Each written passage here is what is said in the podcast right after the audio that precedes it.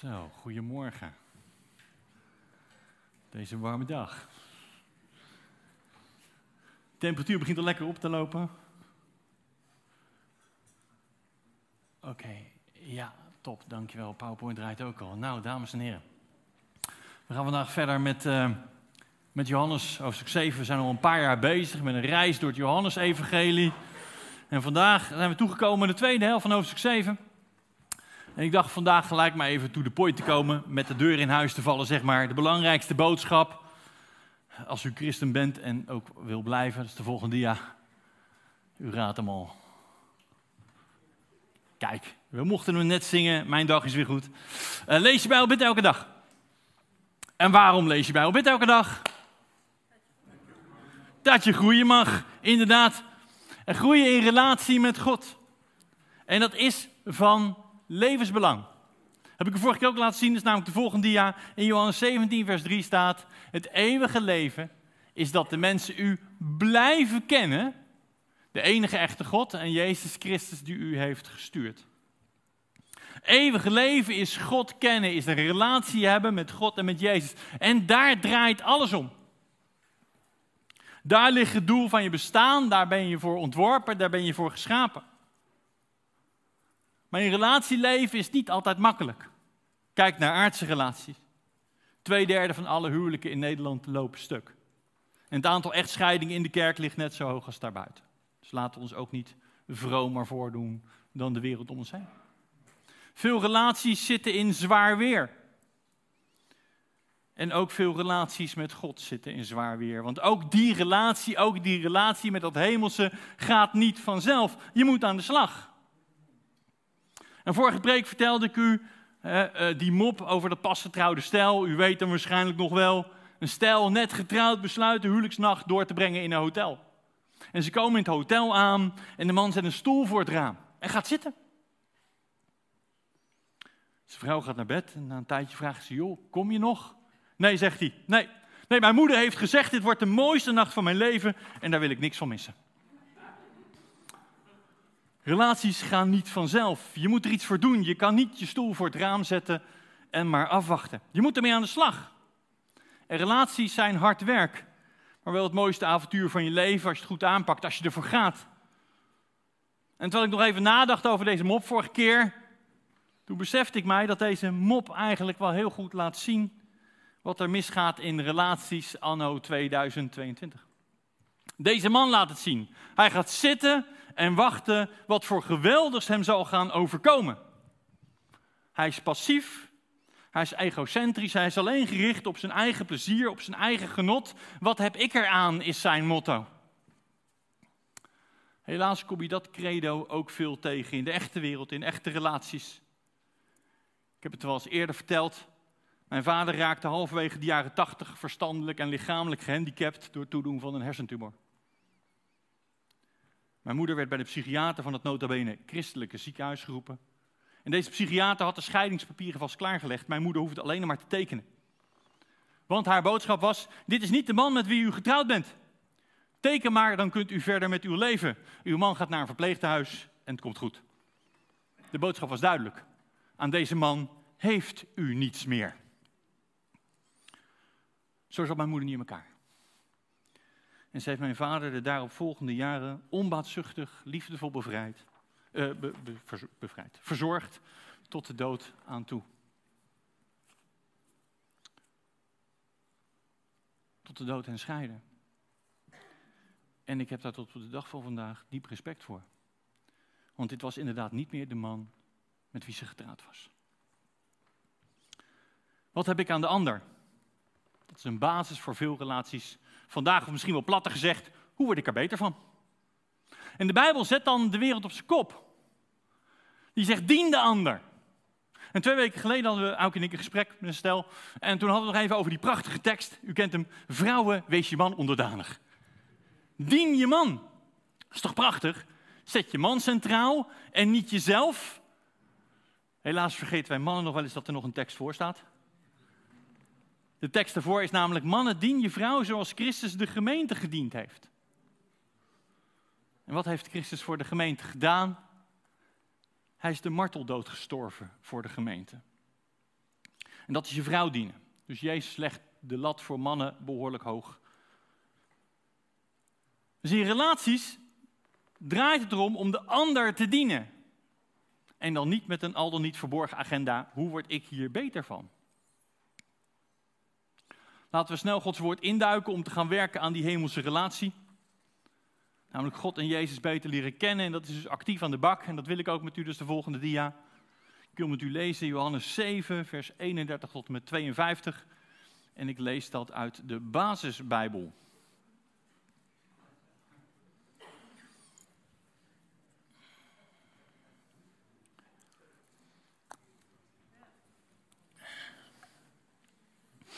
Oké, daar gaan we. Heel veel mensen gingen in Jezus geloven. Ze zeiden, zou de Messias soms meer wonderen doen dan hij? De fariseeërs hoorden dat de mensen dit over hem fluisterden. En daarom stuurden de leiders van de priesters en de fariseeën een aantal mannen van de tempelbewaking naar hem toe. Zij moesten hem gevangen nemen. Jezus zei, ik ben nog maar een korte tijd bij jullie. En daarna ga ik terug naar hem die mij heeft gestuurd. Dan zullen jullie mij zoeken, maar niet vinden. Want waar ik dan ben, kunnen jullie niet komen. De Joden zeiden tegen elkaar: Waar zou u dan heen gaan? Dat we hem niet zullen kunnen vinden. Zou je van plan zijn om naar de Joden in Griekenland te gaan en hen over al deze dingen te gaan lesgeven? Wat bedoelt hij dat we hem zullen zoeken, maar niet zullen kunnen vinden? En dat we niet kunnen komen waar hij nu is, waar hij is. Op de laatste dag van het feest, de belangrijkste dag, stond Jezus op en riep: Als je dorst hebt, moet je naar mij komen en drinken. Als je in mij gelooft, zullen stromen van water dat leven geeft uit je binnenste stromen. Want dat is beloofd in de boeken. En met dit water bedoelde hij de Heilige Geest. De mensen die in hem zouden geloven, zouden de Heilige Geest krijgen. De Heilige Geest was er toen nog niet, omdat Jezus nog niet uit de dood was opgestaan en nog niet naar de hemel was teruggegaan. Veel van de mensen die dit hoorden zeiden: Deze man is beslist de profeet. Anderen zeiden: Hij is de Messias. En weer anderen zeiden: De Messias komt toch niet uit Galilea? De boeken zeggen toch dat de Messias iemand uit de familie van koning David zal zijn. En dat hij net als David in het dorp Bethlehem geboren zal worden. Ze kregen er ruzie over. En sommige mensen wilden hem gevangen nemen, maar niemand durfde hem iets te doen. En de mannen van de tempelbewaking gingen weer terug naar de leiders en de priesters en de fariseërs. En die vroegen hen, waarom hebben jullie hem niet meegebracht? ze antwoordden, nog nooit heeft iemand zulke bijzondere dingen gezegd als hij. De fariseërs zeiden tegen hen, heeft er jullie ook al omgepraat? Jullie leiders en de fariseërs geloven toch ook niet dat hij de Messias is?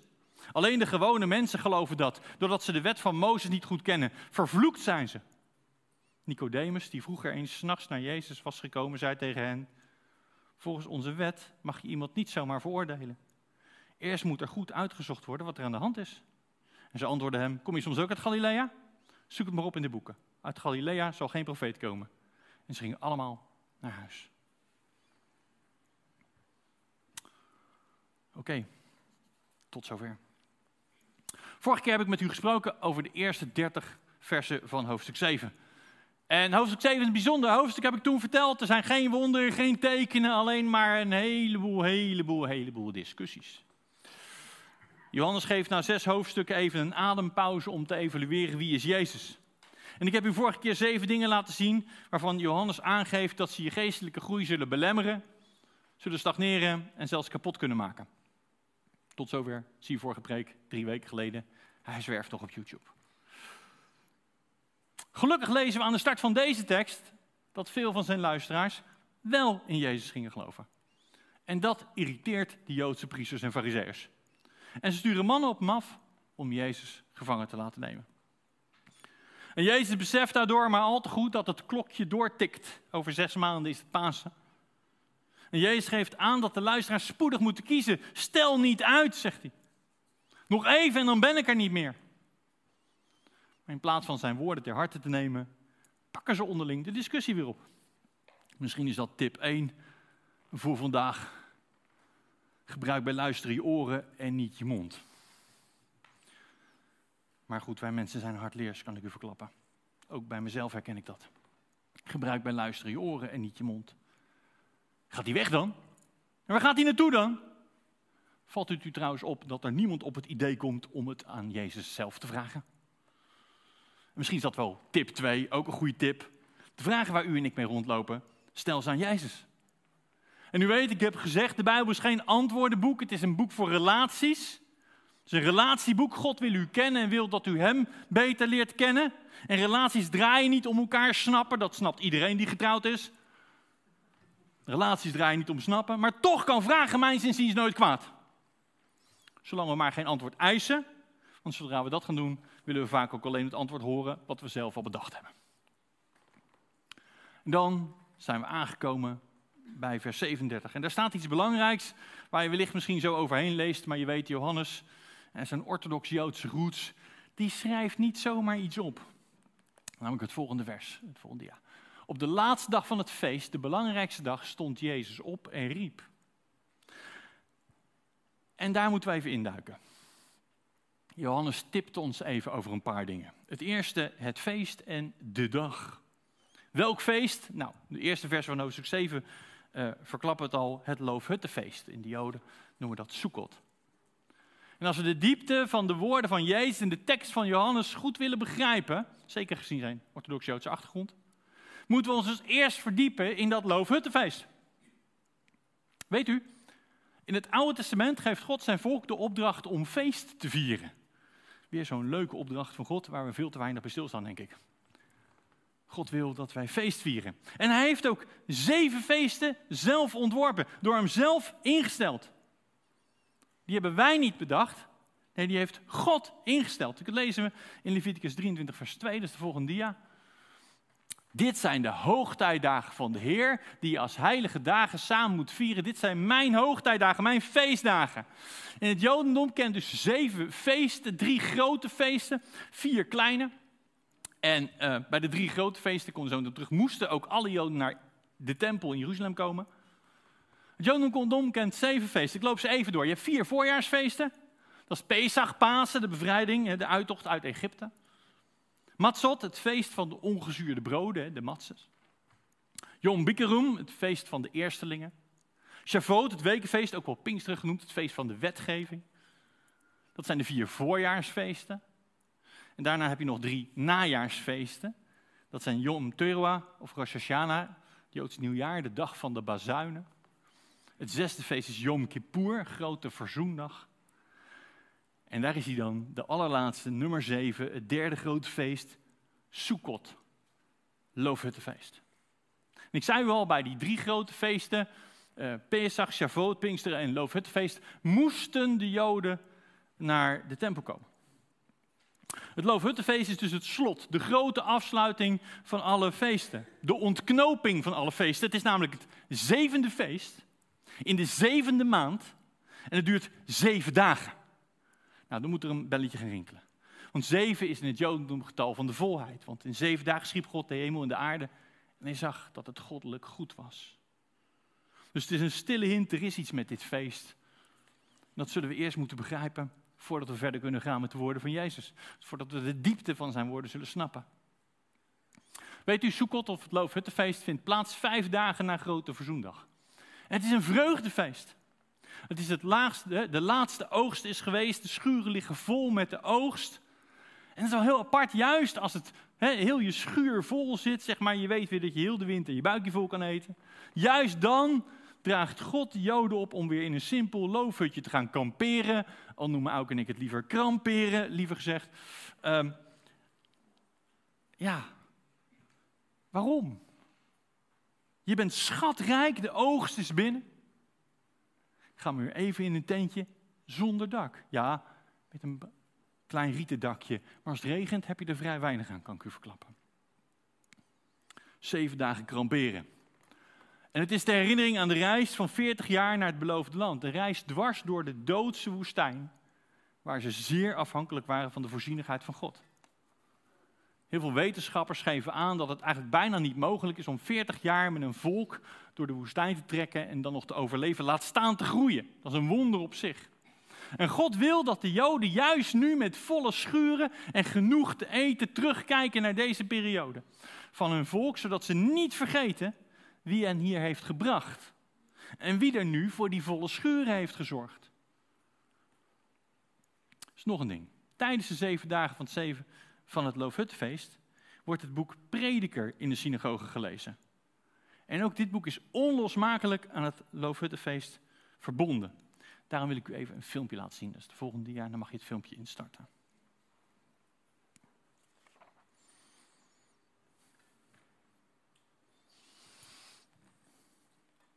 Kijk of het lukt.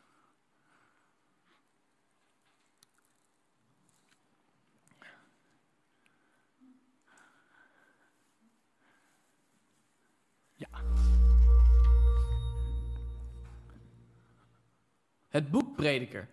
Het is onderdeel van de Bijbelse wijsheidsliteratuur en het begint met deze zin. De woorden van Kohelet, zoon van David en koning in Jeruzalem. Nu is het woord Kohelet in het Hebreeuws iemand die mensen bijeenbrengt. En in dit geval is dat om hen iets te leren. En daarom wordt het vaak vertaald als leraar of prediker. En de leraar wordt een zoon of nakomeling van koning David genoemd. En daarom zijn er verschillende meningen over wie deze persoon geweest zou kunnen zijn. Veel mensen denken dat dit verwijst naar koning Salomo. Anderen dat het misschien een van de latere koningen die van David afstammen is. En weer anderen denken dat het eigenlijk een latere Israëlitische leraar is die een op Salomo lijkend personage heeft aangenomen ter ondersteuning van zijn onderwijs. Welke mening ook juist is, het belangrijkste punt is dat de leraar een personage in het boek is en iemand anders is dan de schrijver van het boek, die anoniem blijft. We horen dus de stem van de leraar in het grootste deel van het boek.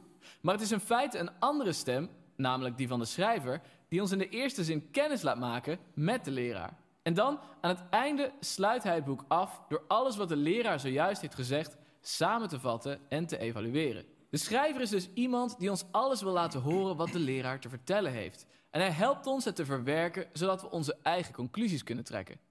Wat heeft de leraar dan te vertellen? Nou, de schrijver vat de hoofdboodschap van de leraar aan het begin en aan het eind samen met de woorden Hevel, Hevel, alles is slechts Hevel. Nu vertalen de meeste Nederlandse Bijbels dit woord Hevel met iets als waardeloos. Maar dat dekt niet echt de lading van dit idee. In het Hebreeuws is Hevel letterlijk damp of rook. En de leraar gebruikt dit woord 38 keer in het boek als een metafoor voor hoe het leven ten eerste tijdelijk of vluchtig is, net als een rookpluim. Maar ten tweede ook voor hoe het leven een mysterie of een paradox is. Net als rook lijkt het een vaste stof, maar wanneer je het probeert vast te pakken, is er niets. Er is zoveel schoonheid en goedheid in de wereld, maar net wanneer je ervan aan het genieten bent, slaat het noodlot toe en lijkt het allemaal te worden weggeblazen. Of denk aan het sterke rechtvaardigheidsgevoel dat we hebben, maar goede mensen overkomen steeds slechte dingen. Het leven is dus voortdurend onvoorspelbaar. Het is instabiel. Of zoals de leraar het zou zeggen, het is als het najagen van de wind. Hevel. Nu is dat nogal een domper. Dus waarom zegt hij dit allemaal? Het hoofddoel van de schrijver is het identificeren van alle manieren waarop we los van God betekenis en waarde in ons leven proberen te vinden en hij laat de leraar deze manieren deconstrueren. De schrijver denkt dat we in ons leven de meeste energie en emotie besteden aan dingen die uiteindelijk geen blijvende betekenis of waarde hebben. En hij laat de leraar ons een harde les in realiteit geven. Je kunt dit het beste zien in de openings- en slotgedichten, die de focus allereerst op tijd leggen en vervolgens op de dood. De leraar zegt dat je je hele leven kunt besteden aan werken en dingen bereiken, omdat je in de veronderstelling bent dat dit jouw leven betekenisvol maakt. Maar stop daar eens mee en bedenk hoe snel het leven voorbij gaat. Want ondanks alle menselijke inzet in de wereld verandert er vrijwel niets. Natuurlijk ontwikkelen we nieuwe technologieën en ontstaan er nieuwe landen die komen en gaan, maar beklim maar eens een berg en zie of die er iets om geeft. Die berg was er al lang voordat wij er waren en zal er zijn lang nadat wij er niet meer zijn. Ik bedoel, niemand zal zich jou over honderd jaar nog herinneren of wat je gedaan hebt. Maar die berg, die zal er nog altijd zijn. Eb en vloed zullen elkaar nog steeds afwisselen en de zon zal nog altijd opkomen en ondergaan. En zo zal uiteindelijk de tijd jou en mij en alles waar we omgeven uitwissen. En alsof dat nog niet ontmoedigend genoeg is, blijft de leraar ook maar praten over de dood door het hele boek heen, maar vooral in het gedicht vlak voor het einde. Hij zegt dat de dood de grote effenaar is en het maakt vrijwel ons hele dagelijkse leven waardeloos. Het verslindt de wijze en de dwazen, de rijken en de armen. Ongeacht wie je bent, wat je hebt gedaan, goed of slecht, we gaan allemaal de pijp uit. En niemand ontkomt hieraan. Dus aan de hand van deze twee ideeën bespreekt de leraar verder alle activiteiten en valse hoop in onze levens om betekenis en waarde te ontdekken. Zoals rijkdom of carrière of sociale status of plezier. Dus jij denkt dat hard werken het leven de moeite waard maakt? Denk aan de stress en de tol die het van je eist. Alle bezorgdheid en slapeloze nachten. En tegen de tijd dat je eindelijk wat rijkdom hebt vergaard, ben je er toch te oud voor om ervan te genieten. En tegen de tijd dat je het moet doorgeven aan iemand anders, kan het die persoon misschien wel niet schelen wat je gedaan hebt. Of misschien denk je dat plezier je leven de moeite waard maakt. Ga ervoor. Leef voor je vakanties, leef voor de weekendfeestjes. Er komt altijd een maandag. Hevel, hevel, alles is slechts hevel. Dus waar pleit de leraar dan voor? Dat we het hedonisme of het relativisme induiken? Nou, nee, dat zou ook hevel zijn. De leraar erkent de ideeën uit spreuken. Dat het leven vanuit wijsheid en ontzag voor de Heer daadwerkelijk voordelen heeft. Over het algemeen zal je leven er waarschijnlijk beter van worden. Maar het probleem is dat zelfs leven vanuit wijsheid en ontzag voor de Heer veel is. Omdat dit geen garantie is voor een goed leven. Goede mensen sterven op tragische wijze en verschrikkelijke mensen leven lang en gelukkig. Er zijn gewoon te veel uitzonderingen. En daarom is zelfs wijsheid veel. Opnieuw, niet zonder betekenis, maar wel een mysterie. Wijsheid werkt niet altijd zoals je denkt dat het hoort te gaan. Dus wat staat ons dan te doen te midden van al deze hevel? Hier ontdekt de leraar op paradoxale wijze de sleutel tot het ware vreugdevolle leven onder de zon. Het is hevel accepteren. Het is erkennen dat je helemaal niets in je leven in de hand hebt. Zo'n zes keer op de meest sombere momenten in zijn monoloog spreekt de leraar over geschenken van God. Namelijk het genieten van simpele, goede dingen in het leven. Zoals vriendschap of familie, een goede maaltijd of een zonnige dag. Je hebt deze dingen niet in de hand. Ze zijn zeker niet gegarandeerd. Maar dat is juist het mooie ervan. Wanneer ik een houding aanneem van volledig vertrouwen op God, geeft het mij de vrijheid om eenvoudig te genieten van mijn leven zoals ik het ervaar. Niet zoals ik vind dat het zou moeten zijn. Want zelfs mijn verwachtingen over hoe het leven zou moeten zijn, zijn uiteindelijk hevel. Hevel. Alles onder de zon is slechts hevel. En zo komen de woorden van de leraar tot een einde. Precies hier aan het einde is de schrijver weer aan het woord. En hij brengt alles samen in een conclusie. Hij zegt dat het heel belangrijk voor ons is dat we naar de woorden van de leraar luisteren.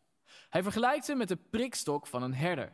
Een staf met een puntig uiteinde, wat pijn kan doen als je ermee geport wordt. Maar hij zegt dat de leraar je juist probeert te prikken om je de juiste kant op te laten gaan, richting ware wijsheid. De schrijver waarschuwt ons vervolgens dat je de woorden van de leraar ook te serieus kunt nemen en een leven lang kunt opgaan in boeken om een antwoord te vinden op de existentiële levensvragen.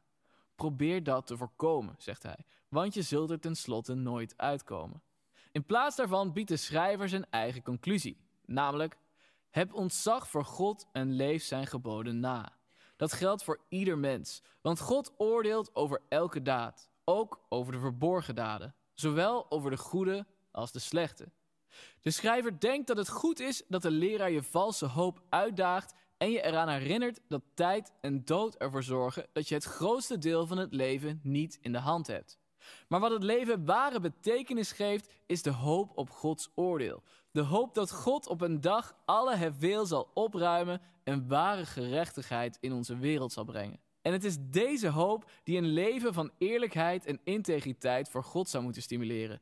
Ondanks het feit dat ik van de meeste levensmysteries helemaal niets kan maken. En dat is de wijsheid van het boek Prediker.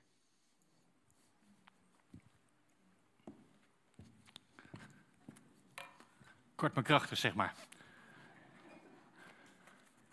Ik ga even wachten tot de PowerPoint erop staat. Dit is dus de toon die gezet wordt in de synagoge tijdens het Loofhuttenfeest.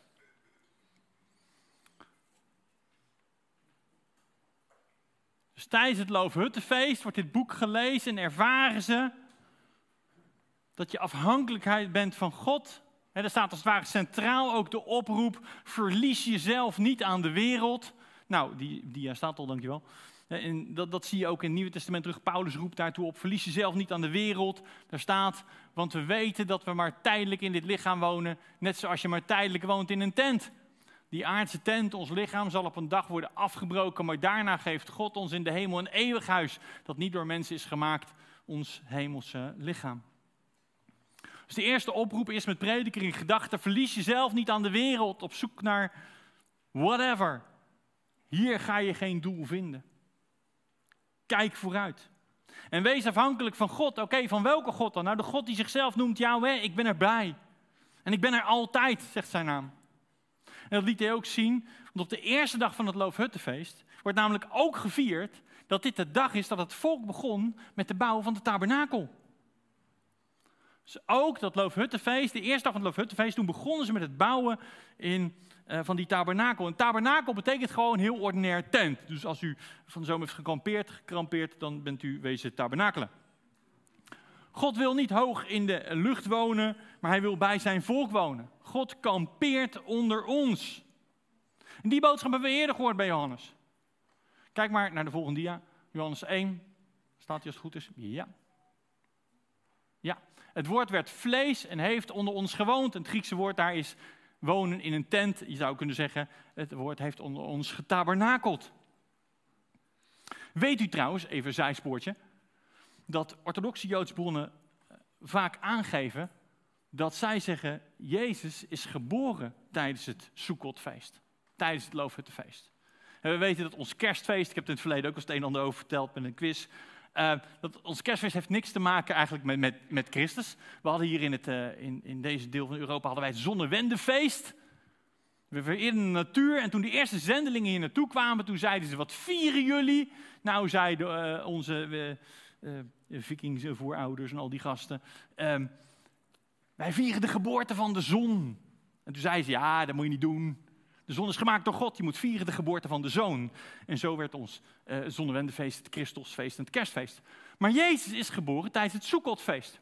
En orthodox Joodse bronnen zeggen dat de Bijbel eigenlijk daarvan gonst van de verwijzingen naar dat Sukkotfeest. En de geboorte van Jezus. Even een klein zijspoortje. De eerste namelijk, Jezus werd in doeken gelegd in een voerbak. Nou, het Griekse woord uh, wat wij vertaald hebben met kribben, het Griekse woord is zoiets als een bewaarbak voor voedsel. Maar, zeggen orthodoxe Joden, denk je nou serieus dat Jozef en Maria, twee godvrezende Joodse mensen, hun kind zouden leggen in een voerbak voor onreine dieren? Tijdens het Sukkotfeest hebben alle Joden een bewaarbak voor voedsel in hun tent staan. En wat bewaren ze daarin? Daarin bewaren ze het brood. En het brood voor die week in die tent wordt in doeken gewikkeld en wordt in de bewaarbak voor voedsel gelegd. Wat gebeurde er toen Jezus geboren werd? Jezus werd geboren nota bene in Bethlehem, wat zoveel betekent Bethlehem, huis van het brood. Toen Jezus geboren werd in Bethlehem, werd hij in doeken gewikkeld en gelegd in een bewaarbak voor voedsel. En hoe noemt Jezus zichzelf? Hij zegt, ik ben, hè, daar gebruikt hij Yahweh, die werkwoordsvorm die ook Gods naam is. Ik ben het brood des levens. Ik ben het levende brood. Ik ben de vervulling van het brood. De tweede grote hint is de boodschap van de engel aan de herders die nacht. Hij vertelt ze dat Jezus in doeken is gewikkeld, in een voerbak is gelegd, een bewaarbak voor voedsel. Maar ook dat dit een vreugdevol feit is voor alle mensen, voor alle volken. Nu kunnen Joden en niet-Joden samen God aanbidden. En waarom dat een verwijzing is, ga ik u straks verklappen, anders dan verklap ik al te veel. En het derde is ook wel, als je gaat doorrekenen, we weten de boodschap van Zacharia, de vader van Johannes de Doper. We weten wanneer hij bezoek kreeg van de engel, dat was ook tijdens een feest. En we weten ook dat zodra Maria, zodra ze de boodschap van engel heeft, direct vertrekt naar haar tante Elisabeth, die op dat moment zes maanden in verwachting is. Als je dan doorrekent, dan kom je ook daadwerkelijk uit met een datum ergens in oktober. Zo zou zomaar kunnen dat Jezus met Loofhutfeest geboren is. Persoonlijk ben ik ervan overtuigd. Als je eh, ziet hoe orthodoxe Joden hierover schrijven, of mensen met een orthodox-Joodse achtergrond, dan zie je ook. Jezus is niet voor niks in Bethlehem in het huis van het brood geboren. En hij zegt niet voor niks over zichzelf. Het zijn de schriften die van mij getuigen. Dus Jezus en de boodschap die hij straks uitspreekt zijn onlosmakelijk met dit feest verbonden. Oké, wat gebeurde er op dit feest? Ik heb het al verteld. Ze gingen in een, in een tent wonen met een bewaarbak voor voedsel. Daar werd brood in bewaard. Ze lazen het Bijbelboek Prediker. Ook heel belangrijk. Dat zette de toon voor het feest. En ze gingen naar Jeruzalem. En waarom moesten ze nou naar Jeruzalem? Wat gebeurde er nou in Jeruzalem? Nou, iedere dag van dat Loofhuttenfeest verlaat een grote optocht de tempel. En iedereen staat langs de kant van de weg te kijken, want wat gebeurt er? Een grote uh, lading priesters met voorop de hoge priester in vol ornaat, prachtig gewaad met een schaal van goud en zilver, daalt af via de hoofdstraat, de oude stad in, naar de bronpoort. De optocht verlaat dan de stad en gaat naar de bron van Siloam. Hé, hey, wacht even. Die hebben we eerder gehoord in het Johannes-evangelie. Wat was er bij de bron van Siloam? Daar was Bethesda. Daar, dat was dat rare kuuroord waar al die mensen ziek lagen. Waar die man zo lang ziek lag. En daar bij die bron waar al die zieken lagen, daar gaat de hoge priester het water in. Hij schept van dat water. En dan gaat de hele optocht lopen terug, groot gejuich. En dan komen ze op het tempelplein aan. En dan wordt het bloed van het offer bij het water gedaan, gemengd. En dan wordt dat over het tempelplein uitgegoten. En dat gebeurde zes dagen lang als herinnering aan het water dat God gaf uit de rots tijdens de woestijnreis. En ook daar zien we weer veel verwijzingen. Paulus schrijft, u moet het thuis maar even nalezen, in 1 Corinthië 10, de eerste vier versen. Hij zegt, Jezus is de rots waarop geslagen werd. Jezus is degene waaruit het water stroomt. En zes dagen lang gebeurt dit tijdens het Loofhuttenfeest. En dan breekt de zevende dag aan. De laatste dag, Hoshana Rabbah. En dit is de grote ontknoping van het feest. En deze dag wordt er geen water gehaald. Het Loofhuttenfeest herinnert namelijk aan nog een hele feestelijke gebeurtenis. Ook de eerste tempel van Salomo werd ingewijd bij de start van het Loofhuttenfeest. En dan neem ik u even mee naar deze geschiedenis. U kunt hem thuis helemaal nalezen in 2 Kronieken, hoofdstuk 5 tot en met 7. Maar wat gebeurt er? De eerste tempel is geopend door Salomo. En er wordt zes dagen feest gevierd, het Loofhuttenfeest. En de zevende dag, op het hoogtepunt van het feest, spreekt Salomo een prachtig gebed uit. U kunt dat lezen in hoofdstuk 6. En daarna gebeurt er dit. Dat is de volgende, oh, staat al. Toen Salomo klaar was met zijn gebed, kwam er vuur uit de hemel en verbrandde de offers. En de wolk van Gods machtige aanwezigheid vulde de tempel. En de priesters konden de tempel van de Heer niet binnengaan, omdat de machtige aanwezigheid van de Heer de tempel had gevuld. De Israëlieten zagen het vuur en de machtige aanwezigheid van de Heer op de tempel neerdalen. En ze knielden met hun gezicht op de grond en prezen de Heer met het lied: Hij is goed, want zijn liefde is voor eeuwig. Gods Shechina daalt neer, zijn, zijn, zijn, om, zijn glorieuze aanwezigheid. En het woord Shechina is in het Hebreeuws opgebouwd uit twee woorden. Het eerste is shagan, dat betekent zoveel als wonen in een tent.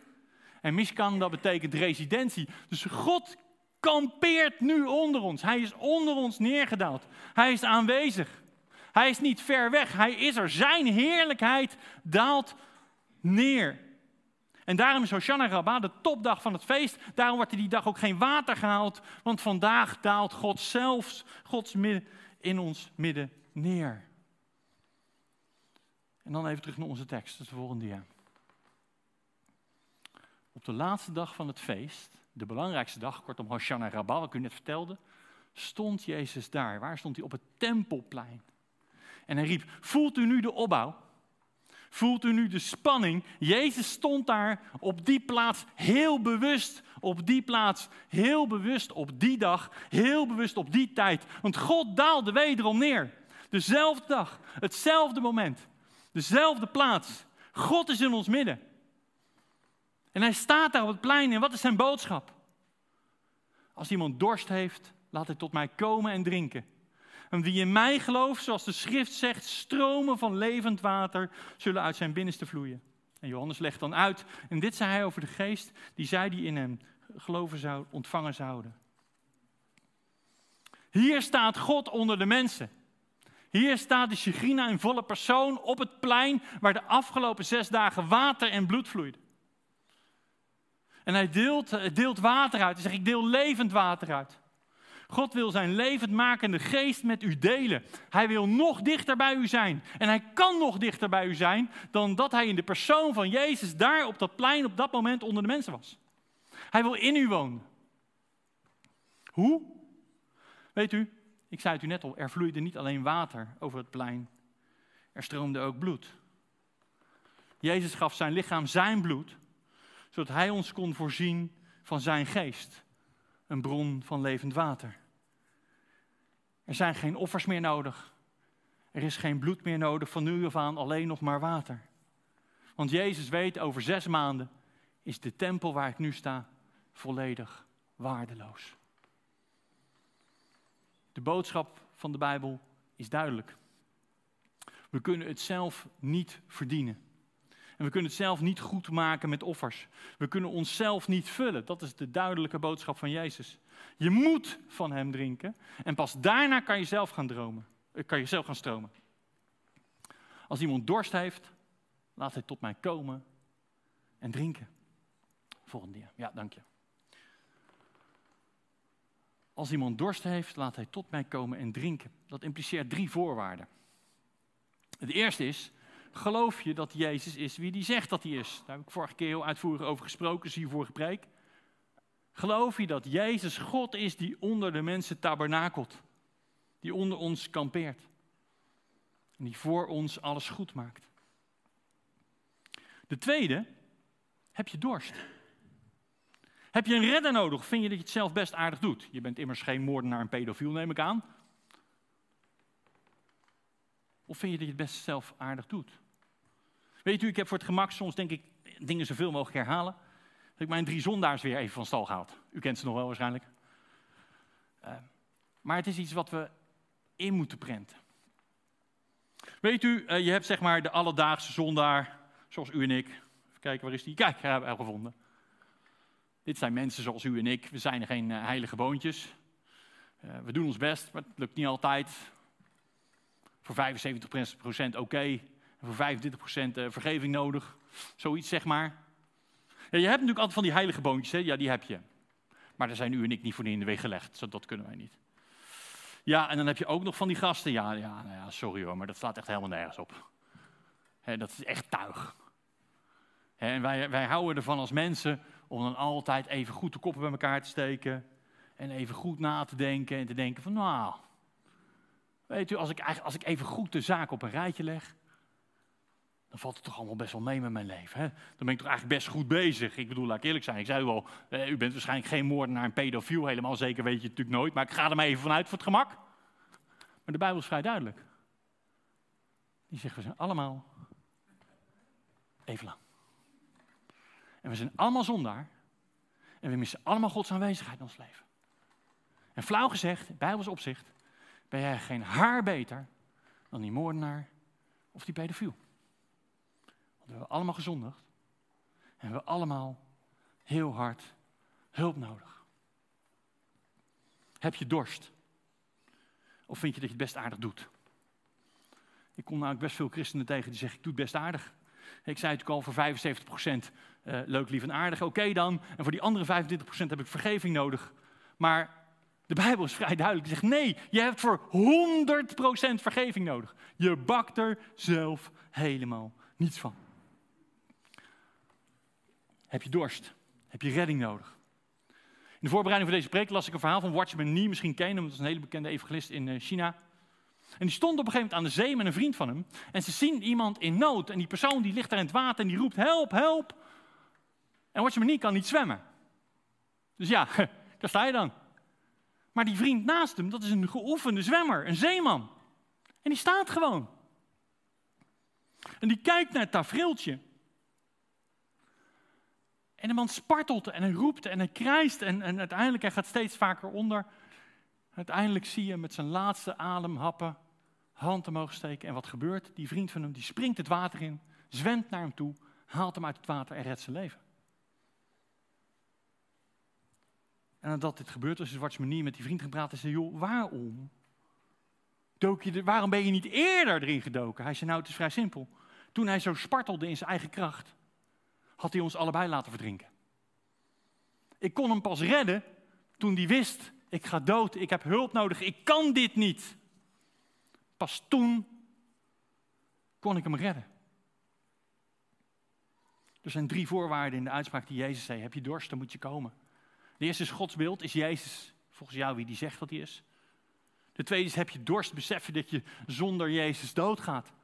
Dat er zonder Jezus geen eeuwigheidsleven mogelijk is. Dat is niet leuk, maar zo staat het wel in de Bijbel. En ontvangen, kan je ontvangen?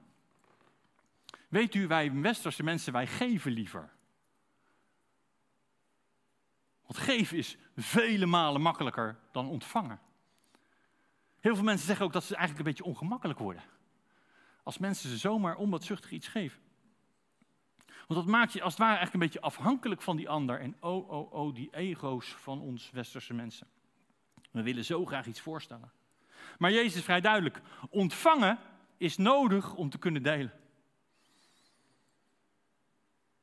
Ontvangen is nodig om te kunnen delen, om die bron van levend water te kunnen worden. Want weet u wat het mooie is van dit feest? God kampeert nu met zijn geest in ons. We zongen het net, het is zijn geest, zijn opstandingskracht die nu in ons leeft. Wij tabernakelen nu in de wereld om iets van God aan de wereld te laten zien.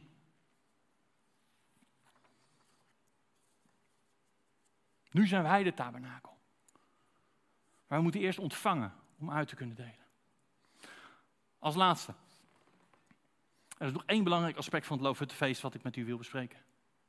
Weet u, de voorjaarsfeesten van het Jodendom zijn 100% vervuld met de komst van Jezus en de Heilige Geest. Voor het gemak even om niet uh, nog langer te preken, want het wordt steeds warmer hier. Even alleen de grootste twee. Pasen, het feest van de uittocht, de bevrijding uit Egypte. Pasen is het feest van de zoon, want hij liet zien dat echte bevrijding van het echte probleem heeft plaatsgevonden. Hij gaf zijn leven voor de zonde van de wereld. En wij mogen met hem opstaan. En dat is gerealiseerd, dat is gebeurd.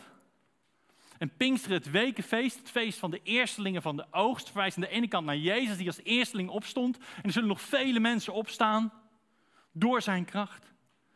Het is ook het feest van de geest, want het was het feest van de wetgeving. Maar de geest wil nu in ons wonen en hij wil ons leiden en hij wil ons de weg wijzen. Pinksteren is het feest van de geest. Paas is het feest van de zoon. Pinksteren is het feest van de geest. Maar weet u, de najaarsfeesten en ook het Loofhuttenfeest zijn nog niet vervuld. Nog niet 100%. Want tijdens het Loofhuttenfeest werden namelijk ook 70 stieren geofferd voor de volken. In Zachariah 14, je moet dat thuis maar lezen, staat een profetie dat Israël eens samen met de volken in de Messiaanse tijd samen in Jeruzalem het Loofhuttenfeest zal vieren. Samen zullen zij God in zijn Shechina, in zijn aanwezigheid aanbidden. En nu neem ik u weer even mee terug naar het kerstverhaal. Wat zei de engel? Vanaf nu af aan. Die engel keek uit. Aan de ene kant zei hij: Het brood ligt in de voerbak.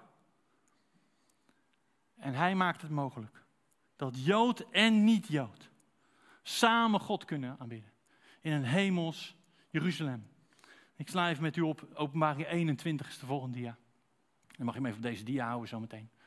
Vanuit de hemel hoorde ik een stem zeggen: Dit is de plaats waar God voortaan bij de mensen zal wonen. Het zal niet verbazen, daar staat het woordje wonen in een tent.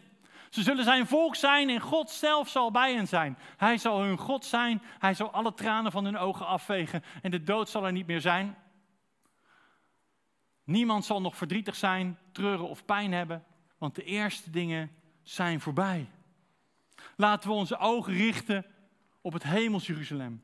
Daar waar Jood en niet-Jood eens samen met God zijn feest zullen vieren. En laten we verder lezen in openbaring, dat is de volgende dia. En hij die op de troon zit, dat is de opgestaande Jezus, zei: Ik maak alles nieuw. En tegen mij zei hij: Schrijf dit op, want mijn woorden zijn waar. Ik zal doen wat ik heb gezegd. En verder zei hij: Het is voorbij. Ik ben, de eerste en de laatste, het begin en het einde. En de mensen die dorst hebben, zal ik te drinken geven uit de bron van het water dat leven geeft. En ze hoeven er niets voor te betalen. Amen. Laten we bidden met elkaar. Vader in de hemel. Heer, het Loofhuttenfeest is uw feest. We hebben Pasen, het feest van uw zoon, Pinkster, het feest van de geest. Maar het Loofhuttenfeest is uw feest, vader. En we mogen tot u komen door de zoon. Die zijn bloed liet vloeien, zodat water in ons binnen kon opborrelen, zodat zijn geest in ons binnen mag wonen. De geest die de kracht heeft van de opstanding mag nu al in ons wonen, wat we ook zongen. En we mogen als tabernakels de wereld ingaan. Waarom? Met de boodschap dat u komt en dat er eens een groot feest van de Vader zal zijn. In Jeruzalem, Jood en niet-Jood. Samen. In een wereld zonder dood, zonder, zonder ziekte, zonder pijn, zonder verdriet. Want u zal de tranen van onze ogen afwissen. Heer, laat ons ook in ons leven Loofhuttenfeest vieren. Dat we beseffen dat hier in de wereld eigenlijk vrij weinig te halen is. En dat u ons toch zoveel geeft, zeker ons hier in het Rijke Westen.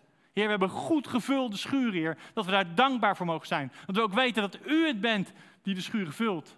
En wilt u ons ook met uw geest de wijsheid geven om die, om die schuren goed te beheren. Om uit te delen aan mensen die kunnen gebruiken, die het nodig hebben. Maar om bovenal van uw waterstromen uit te delen. Dat we deze wereld mogen laten zien. Dat u komende bent. Door de zoon. Met de geest in ons mogen wij hier kamperen. Omdat we weten dat er ooit een blijvend huis zal zijn. Een nieuw Jeruzalem. Zonder dood, zonder ziekte, zonder pijn. Alleen helemaal gevuld met u. Dank u wel. Amen.